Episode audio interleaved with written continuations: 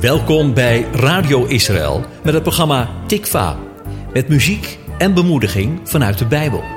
Iedere week weer met een andere invalshoek.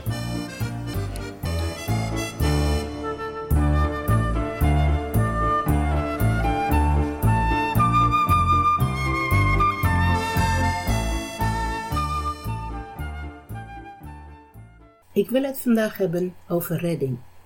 In het leven maken we het allemaal mee. Donkere wolken die zich boven ons hoofd samenpakken. Dat kan zijn in de vorm van ziekte waarmee je te kampen hebt, een lastige situatie op het werk, een relatie die stroef verloopt of welk probleem je dan ook tegenkomt. Donkere wolken maken deel uit van ons bestaan hier op aarde. Ieder gaat daar op zijn eigen manier mee om. Voor de een is dat door middel van zelfbeklag om uiting te geven aan de frustraties, en voor de ander is dat strijden en vechten op zoek naar wegen om er doorheen te komen. Omdat we er allemaal mee te maken krijgen, is het belangrijk dat je leert hoe je ermee om kunt gaan, zodat je weet wat je kunt doen in de moeilijkheden.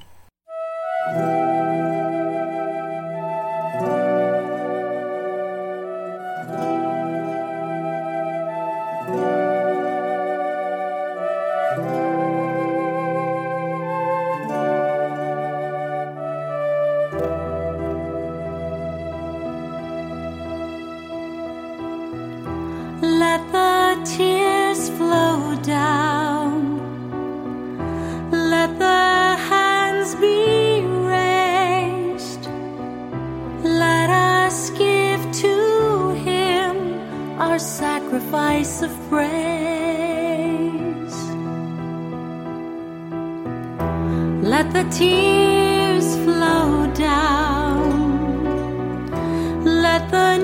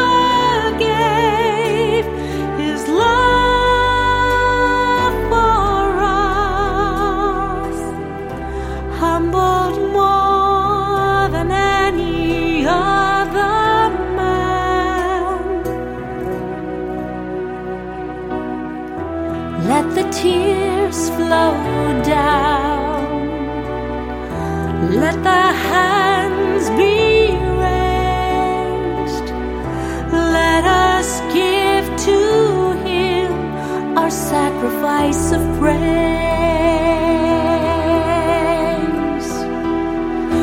Let the tears flow down. Let the knees be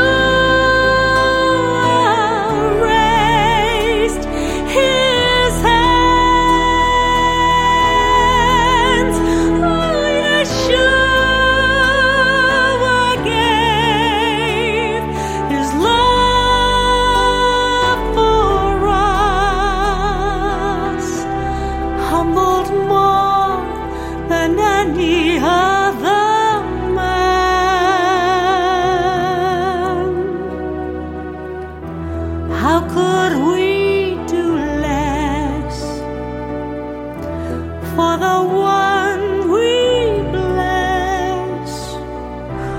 Let the tears flow down. Let the hands be raised. Let us give to Him our sacrifice of praise.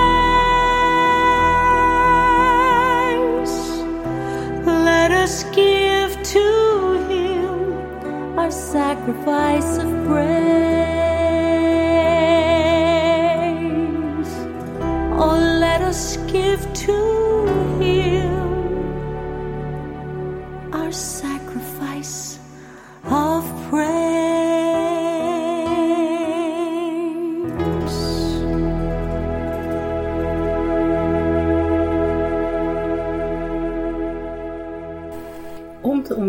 hoe je met moeilijkheden in je leven kunt omgaan, wil ik inzoomen op het Bijbelboek Daniel hoofdstuk 3. Het is het verhaal van de vrienden Sadrach, Mesach en Abednego. De donkere wolken waar de drie vrienden mee geconfronteerd worden, was de eis die de koning aan al zijn onderdanen stelde. Iedereen moest buigen voor het gouden beeld dat de koning had opgericht. Wie dat niet deed, zou in een vurige oven worden geworpen. Maar deze drie jonge mannen weigerden te buigen voor het afgodsbeeld dat de koning had gemaakt. Dat maakte de koning zo woedend dat hij hun donkere wolken nog donkerder maakte door het vuur in de oven nog heter op te stoken. Door het maken van deze keuze hing hen een dreigend lot boven het hoofd. Ze zouden een pijnlijke dood sterven, omdat ze het bevel van de koning niet wilden opvolgen.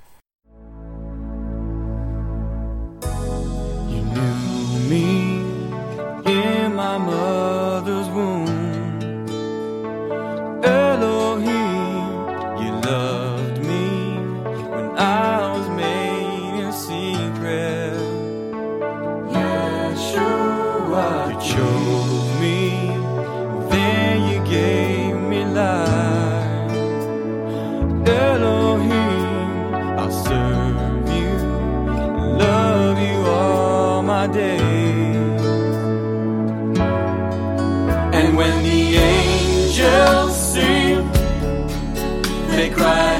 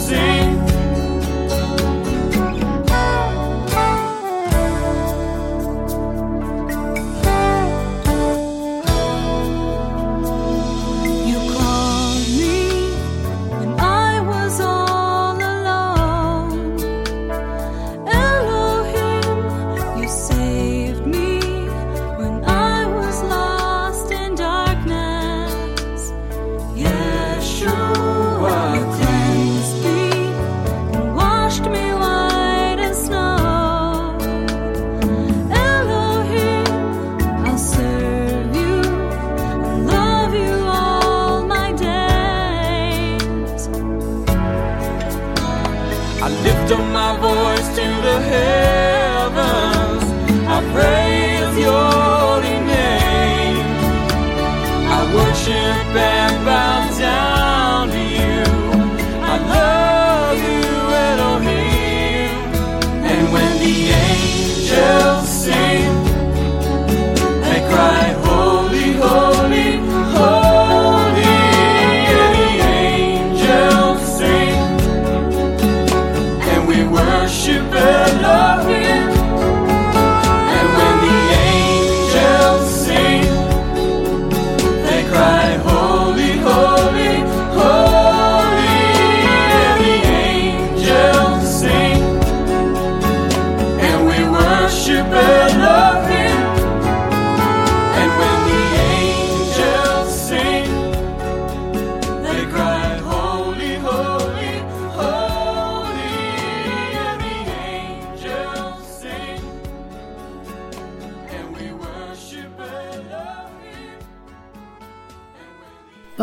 dat deze jongens zo sterk konden staan in hun keuze?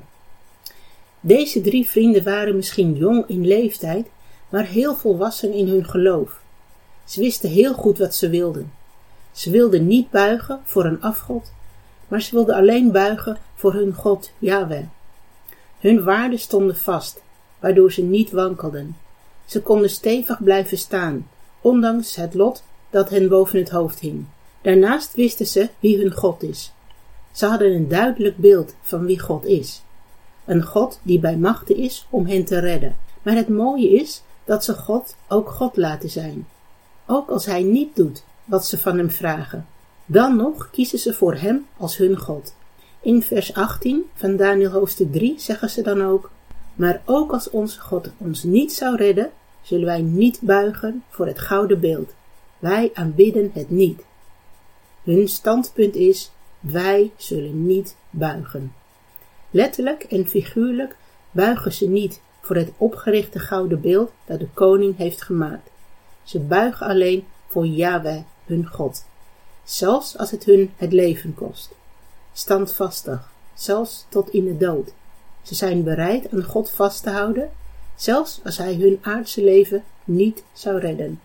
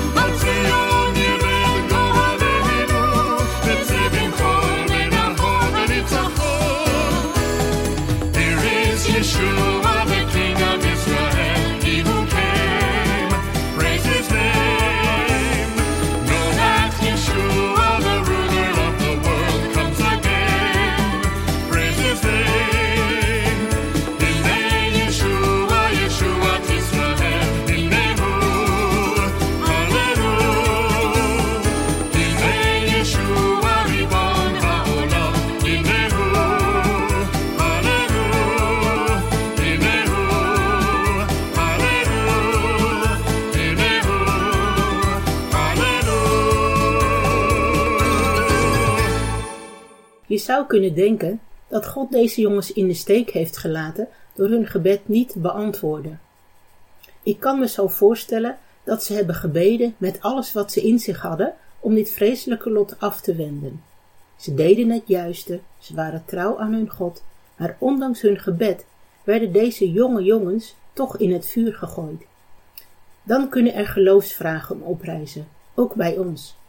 Je hebt om iets gebeden, maar je gebed wordt niet verhoord. De grootste nachtmerrie wordt werkelijkheid. Je wordt niet gespaard en moet de brandende oven in. Maar net als deze jongens leer je de belangrijkste lessen in het vuur. In het vuur verschijnt de vierde man. De redding vindt plaats in het vuur. Dat is de plek waar God laat zien wie Hij is en wat Hij voor je kan doen. Ze werden niet gespaard uit het vuur, maar gered midden in het vuur. Wat ons sterk maakt, is niet dat wij altijd uit de strijd worden gehaald, maar dat we in de strijd ontdekken dat Hij met ons is. Hij staat naast ons, midden in onze grootste strijd. Hij is de vierde man die verschijnt in het vuur, om naast je te staan en uitredding te geven. Zijn belofte, ik zal je nooit begeven, ik zal je nooit verlaten, ontdek je juist in het vuur.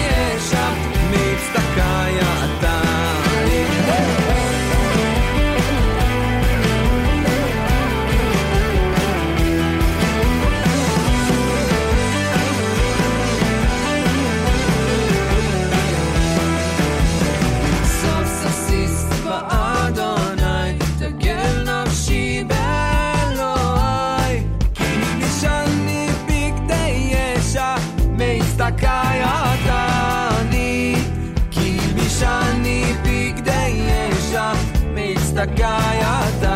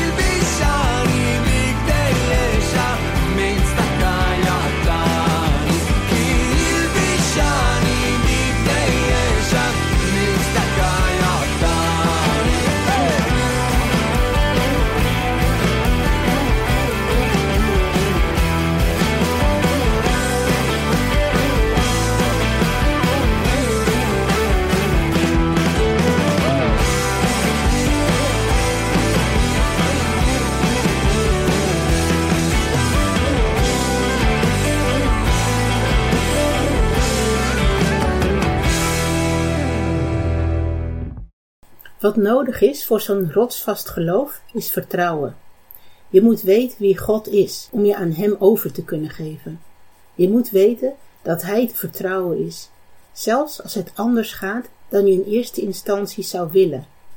Als je dat ten diepste weet, durf je je aan Hem over te geven en Hem te vertrouwen, zelfs tot in de dood.